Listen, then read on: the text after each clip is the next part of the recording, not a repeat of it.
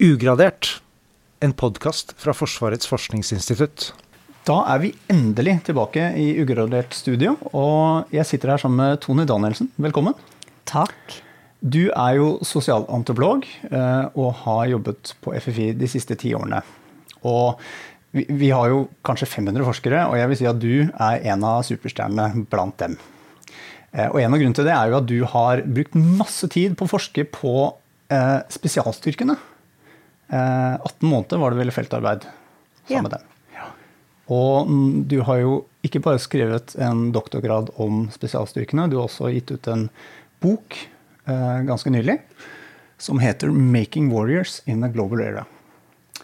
Ja. Men, men aller først, hva, hva, er hva, er spesialstyrken egentlig? Det er jo ikke sikkert alle som hører på vet det. Hva er det som gjør de så spesielle? Spesialstyrkene er de Den delen av den, det militære som man bruker når man enten har en veldig høy politisk eller militær risiko forbundet med operasjonen, um, eller at man ikke helt vet hvordan man skal løse oppdraget. Altså den ukonvensjonelle måten å løse oppdrag på. Okay, har du noen eksempler? Norge har jo en spesialstyrke. Hva er, vi, hva er det de har gjort de siste årene? De gjør det som heter militær assistanse. De eh, har bl.a. opplæring av um, um, afghanske politi. De har støtta lokale styrker i uh, operasjonsområder. De gjør også det som heter spesiell rekognosering. Altså de går inn i områder hvor det er for farlig for andre å gå inn. For å forberede de konvensjonelle styrkene som skal komme etterpå. Og så gjør de også direkte aksjoner. Og det er jo det de fleste forbinder med spesialstyrkene typisk eh, Osama bin eh, Laden-operasjon som veldig mange kjenner til. Som er en operasjon med veldig høy risiko. Som jo ikke de norske, men de amerikanske spesialstyrkene gjorde.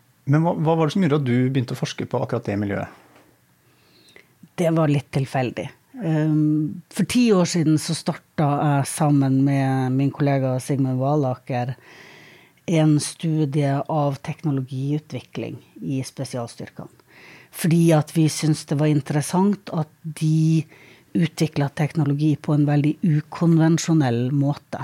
Okay. Altså bottom up og ikke top down, som det meste skjer i Forsvaret. At de mekka sine egne dingser nærmest, da? eller? Ja, de fikk hjelp av et eksternt firma. Um, og vi syntes at historien var spennende fordi at de hadde tatt fram en ny teknologi som vi kjenner som FACNAV i dag, Forward Air Controlling and Navigation System, som er kommunikasjonen mellom operatøren på bakken og jagerpiloten. Og det var egentlig ikke noe banebrytende teknologi. Um, det var noen digitalisering av steintavler, men de hadde gjort det veldig raskt og veldig billig. Og de hadde brukt eh, nettverket sitt, de hadde noen veldig klare prioriteringer på hva de skulle. Og de hadde ei stabil gruppe med folk som jobba med det, så de slapp å starte hvert møte med å oppdatere alle de nye tilstedeværende. Mm. Så det var noe i den historien som vi syntes var veldig spennende, og begynte å skrive om. Og for ti år siden så var det ikke så mange som skrev om spesialstyrkene. Og senere ble jeg, på bakgrunn av den studien, så ble jeg invitert til Marinejegerkommandoen for å gjøre en studie hos de, fordi de skulle gjennom en omorganisering på et senere tidspunkt, og de ønska å være forberedt. Og det er jo en veldig ukonvensjonell måte um, å håndtere en omorganisering på. Invitere noen utenfra til å være en del av avdelinga over så lang tid. Nemlig, for det er jo ikke, altså det er ikke laget så mange, det er ikke forsket så mye på spesialstykken før. Hva er det som er årsaken til det? De er lukka. De er veldig, veldig lukka miljøer. De uh, har juridisk uh, forankring i å være lukka. De, allmennheten skal ikke vite noe om hvordan de opererer, fordi at det er farlig. De har jo skjult identitet, operatørene. Um, og de fleste forskere får lov til å være med noen dager, og så er man ute igjen for at man ikke skal se helheten. Jeg har ikke skrevet om operasjonsmønsteret deres, men om kulturen deres. Og det var det de trengte innsikt i når de skulle omorganisere. Nemlig. Men kan du ikke fortelle litt om hvordan det var å komme inn i det miljøet? Altså, hva var første møte med, med denne gjengen? Hvordan skjedde det? Det er um, Den eneste måten å få tilgang til spesialstyrker er å bli invitert av sjefen. Um, og det er jo derfor det bare har vært gjort én annen studie i verden på spesialstyrker på denne måten. Den ble gjort på starten av 90-tallet i USA, på et kompani. Um, sjefen for Marinejegerkommandoen, Tom Robertsen, hadde invitert meg inn. Han introduserte meg for hele avdelinga. Um, og det handler også om forskningsetikk. Man har ikke lov til å forske på folk uten at de vet at de blir forska på. Så jeg ble, den dagen han ble innsatt som sjef for Marinejegerkommandoen, så ble jeg introdusert for hele kommandoen. Så alle visste hvorfor jeg var der. Og de fikk en klar beskjed fra sjefen om at jeg skulle være med på alt de gjorde. For å kunne gi ledelsen i Marinejegerkommandoen et best mulig beslutningsgrunnlag når de kom til omorganiseringa.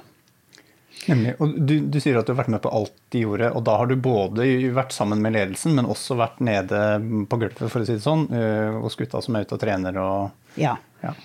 Og det her er jo små miljøer. De er mye mindre enn altså Marinejegerkommandoen er jo mindre enn 200 personer. Sånn at det gjør at jeg kunne bli kjent med alle sammen. Ikke bare de som var i Marinekommandoen på det tidspunktet, men også de marinejegerne som jobba eh, i andre deler av Forsvaret. Altså hele det som i Forsvaret kalles for kommando- og kontrollkjeden. Fra Forsvarsdepartementet, Forsvarets operative hovedkvarter og Forsvarsstaben og, og nedover. Så jeg fikk jo mulighet gjennom 18 måneder til å bli kjent med alle sammen. Men det er klart det er en ganske um, tøff start. Jeg var jo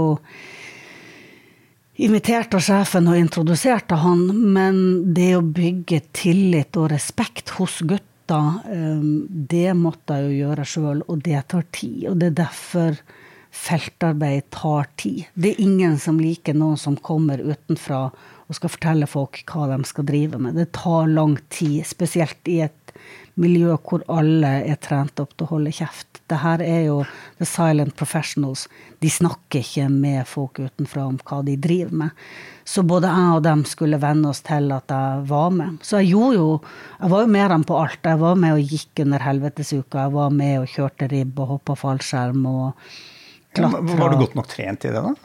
Ja, jeg hadde jo øvd meg. Jeg trente jo eh, et halvt år i forveien eh, hver eneste dag for å faktisk bygge nok muskelmasse til å kunne være med. Men når det er sagt, så skulle ikke jeg bli marinejeger. Jeg skulle bare være godt nok trent til å kunne gå med de. Jeg trengte jo ikke gå med 50 kilo ryggsekk og pulk. Men på, både, altså Sosialantropologer eh, elsker feltarbeid. Eh, nå har du sagt litt om, om eh, om hva som er liksom, fordelene med det, og, og, hvorfor dette er velegna når du skal uh, forske på et sånt lukka miljø som spesialstyrken. Men, men klarer, klarer, du å være en flue på veggen, eller klar, klarer du på en måte være med den gjengen og det lille miljøet uten å påvirke det som skjer? Nei, Nei. det gjør du ikke. Og det er en illusjon å tro at du kan. Det er klart at i et så lite miljø så blir du en del av miljøet. Ehm, og også fordi at de har trangt om plassen. Du må være med. Du må gjøre ditt bidrag underveis. De har ikke noe rom for daukjøtt. Så, du, så jeg måtte jo gjøre de tingene jeg kunne, f.eks. lese korrektur på alt de skulle skrive. Det er en del av dem som ikke er så glad i å skrive. Eh, og spille bad guy og good guys under øvelser, og, og delta i det de gjorde for at jeg skulle få være med. Hvem var du, da? Bad guy eller good guy? Ja, Det var jo litt avhengig av hva de trengte. Så jeg har spilt alle roller under øvelser og blitt lagt i bakken. Og... Så man må jo delta. Og hele poenget med å gjøre feltarbeid er jo å få svar på ting man ikke visste man lurte på før man starta. Eller så kunne man jo bare sendt ut et spørreskjema. Da får man jo svar på det man lurer på. Men hele poenget med å gjøre et feltarbeid er jo å avdekke de kulturelle mønstrene som folk tar for gitt.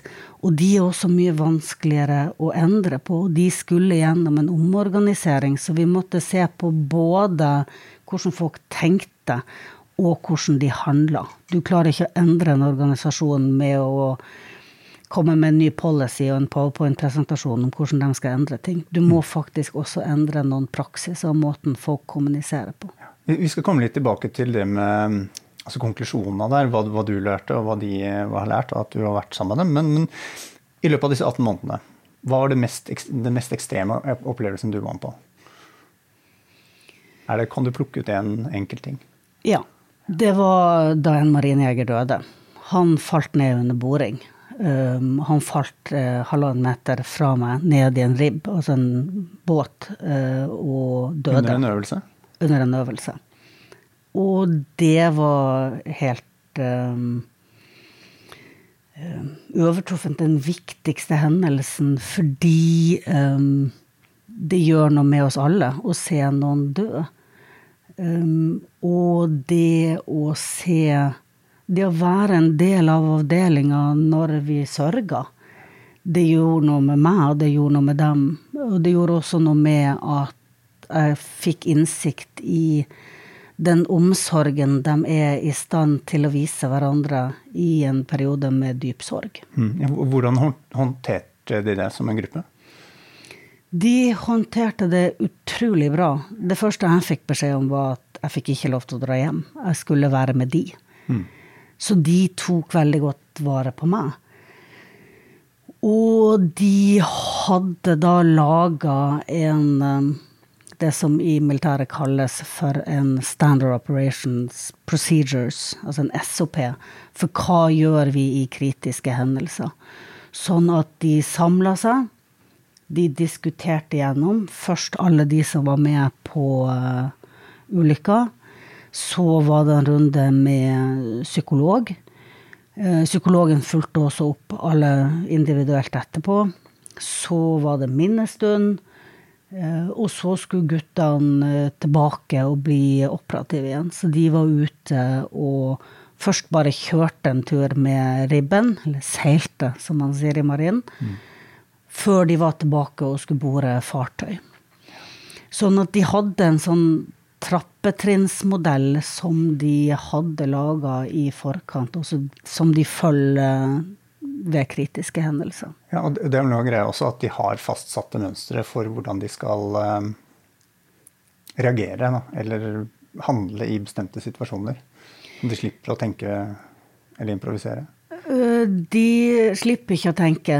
De må tenke fordi at de jobber hele tida på grensen til det som er både fysisk og teknisk mulig. Eh, men de har en plan. Fordi at de jobber med kritiske ting, så har de en plan. Og den, eh, det er i den type kriser man trenger noen prosedyrer å følge. Det betyr ikke at de ikke trenger å tenke, for det må man faktisk. Eh, men det er enklere når man har tenkt igjennom det på forhånd, så man slipper å starte på scratch. Men hvordan man håndterer den type kritiske handlinger, er det som skiller gode militære avdelinger fra ikke fullt så gode. Hvis man ikke klarer å håndtere sorg og og død på en god måte, så får man det som noen antropologer kaller for dysfunksjonelle familier. Fordi at folk trenger De trenger å bearbeide Sorg er jo en helt naturlig reaksjon. Og hvis man ikke får uh, tatt tak i det, altså i disse, det som de kaller for defusingsprosesser, som jo er for at man ikke skal detonere ukontrollert seinere. Um, hvis man ikke gjør dette på en god måte og har gode ledere som ivaretar folkene sine, så um, kan man få store problemer. Både på individnivå, men også på organisasjonsnivå. Men mm. Marinejegerkommandoen um, er i stand til å håndtere disse tingene på en veldig god måte. Mm. Du hadde jo feltarbeidsperiode på 18 måneder, og så har du jobbet eh, videre med materialet og bearbeida, analysert og, og funnet din kunnskap videre til eh, kommandoen. Har, har, du hatt noen eh, aha-opplevelser underveis, eller har du gitt dem noen aha-opplevelser? Hva, hva, er de viktigste lærdommene som du har trukket ut av det her? Ja, og det, man får mange aha-opplevelser fordi at du ser nettopp ting som du ikke hadde trodd du skulle se. Mm. Um, og en av de viktigste tingene som jeg etter hvert begynte å jobbe med, var jo hvordan kan det ha seg at disse guttene beholder vett og forstand. Um, det skulle man ikke tro når man vet hva de holder på med i arbeidstida. Og det å få psykiske problemer i krig er jo tilbake til at det er en helt naturlig reaksjon på en unaturlig situasjon. Eh, fordi vi tar altså norske kvinner og menn fra et av verdens fredeligste land til krigssoner. Og hvis de ikke er godt nok forberedt, så um, får de problemer. Og det her vet vi fra forskning fra langt tilbake internasjonalt, at sånn er det.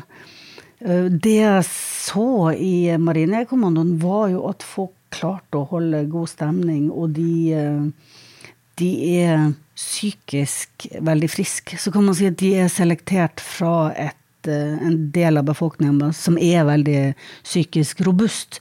Men i alle fall så var det noe interessant. Og som antropolog så er man ikke så opptatt av hvordan individet eh, responderer på fare og risiko og hendelser, men hvordan de kollektivt gjør det.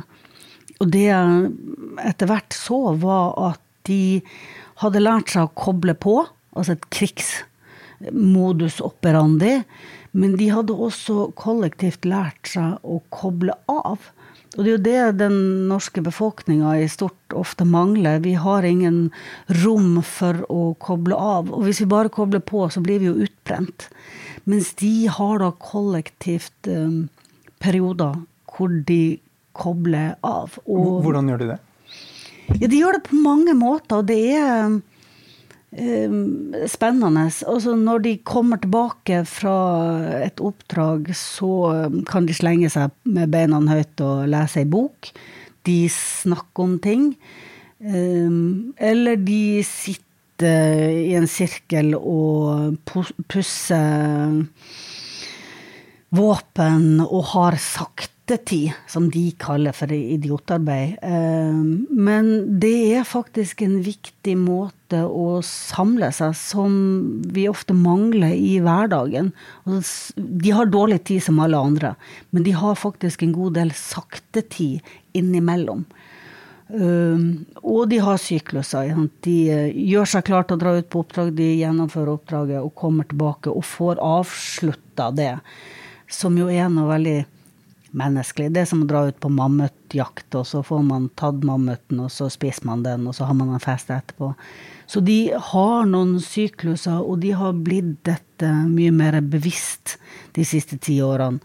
At de har et behov for å ivareta også de psykiske aspektene eh, ved det.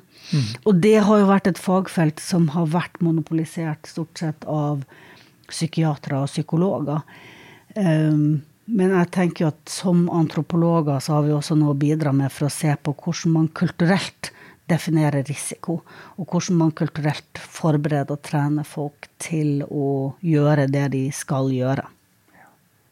Du, ble jo hentet inn for å, um, for å gi bakgrunnsmateriale i forkant av en omorganisering. Vet du noe om uh, Er de ferdige med den omorganiseringa nå? Det er jo ingen som blir ferdig med omorganisering, verken i Forsvaret eller noen annen plass. Men de fikk et mye bedre utgangspunkt til å vurdere hvilke praksiser er det faktisk helt avgjørende at vi beholder. og hva kan vi med fordel endre? Uh, og det var jo det som var målsettinga med studien. Ikke bare flytte rundt på firkanter på et organisasjonskart, men se på um, Også på f.eks. de uformelle beslutningsprosessene som de har.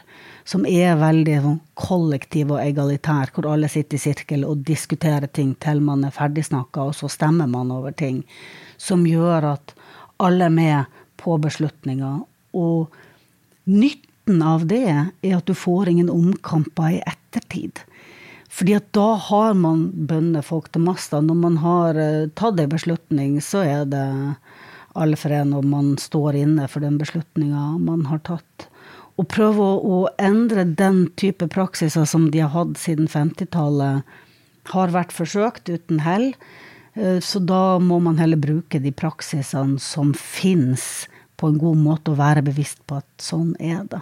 For det er jo ikke alt som er like enkelt å endre, men da må man i hvert fall spille på lag med dem og bruke dem for det de er verdt.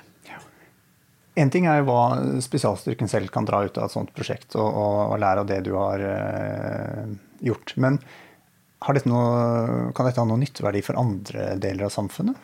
Altså Kan vi overføre denne lærdommen f.eks. til en dysfunksjonell familie? Da er det sånn at vi bør gå hjem og ha sakte tid og sette oss rundt bordet og gjøre noe litt meningsløst og snakke sammen om det for å få en litt bedre kommunikasjon internt? Altså. Ja, man burde ha litt mer tankegang. Man bør gå og tenke og snakke sammen. Absolutt. Det tror jeg er bra. Uh, og hvis vi slutter å snakke om hvor stressa vi er, så hjelper det. Marinejegere snakker jo aldri om uh, at de er stressa. Folk som er stressa, er i kognitiv låsning og dermed ikke verken i stand til å ta beslutninger, og de beslutningene de tar, er ofte um, ikke så gode. Uh, jeg tenker at det er flere nivåer hvor man kan lære av den type studier. Um, for det første så tror jeg veldig mange marinejegere uh, og andre i Marinejegerkommandoen lærte mye om seg sjøl og sin egen praksis ved å ha en antropolog eh, i Helland over så lang tid. Og mange av de har jo gått videre og studert uh, tilliggende fag og skrevet bachelor- og mastergradsoppgaver om det.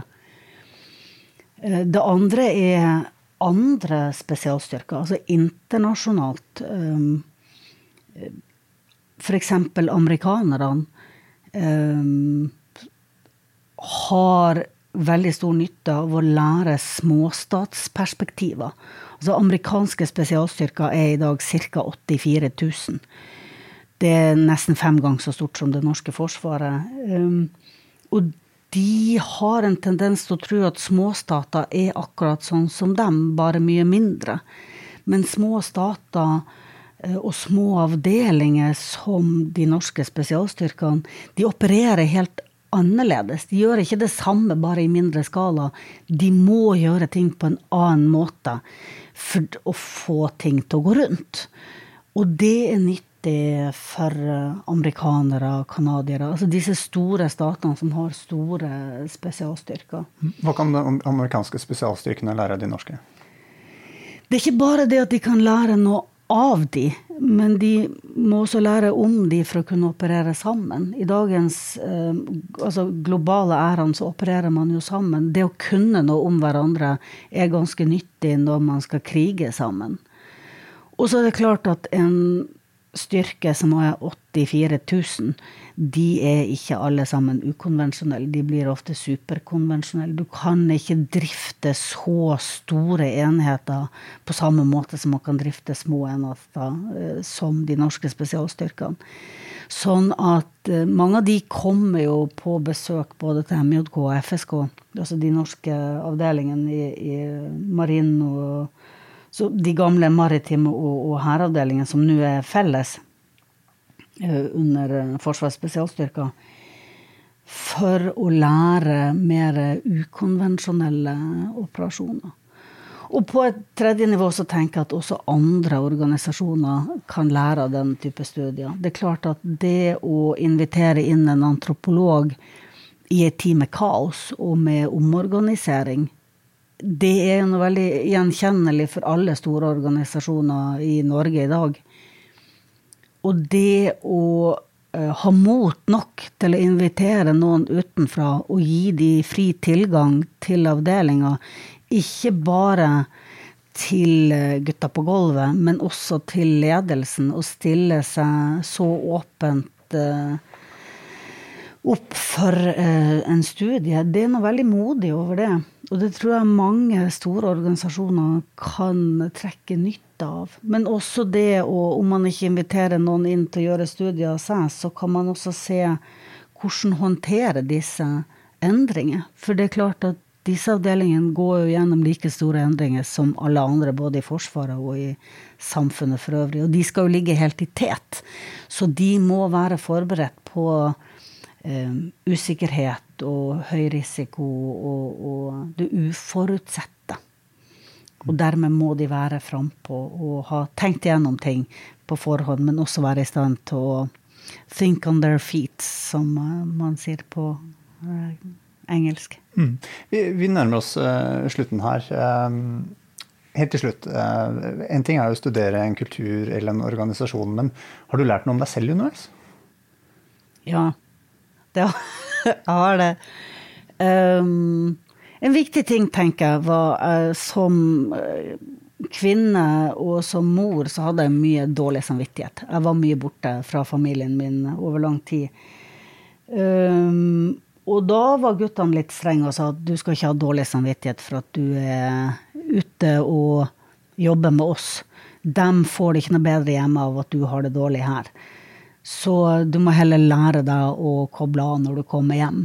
Og det tror jeg var veldig nyttig. Da sto jeg med ryggen rak når jeg var ute på feltarbeid, og så skrudde jeg heller av mobilen og var veldig til stede når jeg var hjemme.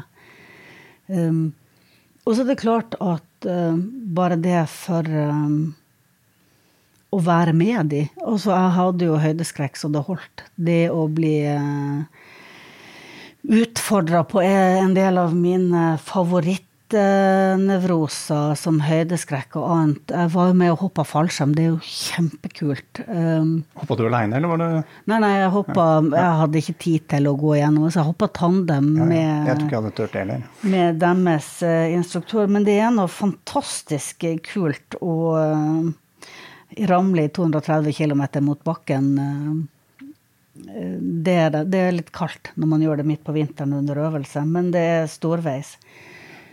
Så det er klart at jeg flytta veldig mange grenser for meg sjøl. Og det handler jo også om det å være på feltarbeid. Du må, du må gjøre en del ting for å kjenne på slitet, for å kjenne på frykten, for å gjøre disse tingene.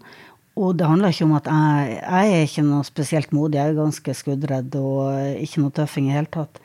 Men det å kjenne på disse tingene, ikke bare intellektuelt eh, gjøre en analyse av det, men kjenne det i sin egen kropp og hente fram ny innsikt gjennom det, er jo en del av det antropologer gjør. Det er jo derfor vi gjør feltarbeid, for å få en annen type erkjennelse. Det er eh, ekstremsport, eh, både akademisk og, og, og fysisk. Um, og så lærte jeg veldig mye om tillit. Det å Når du skal hoppe ut fra et fly som fortsatt fungerer, så må du faktisk eh, vise tillit til den du hopper med.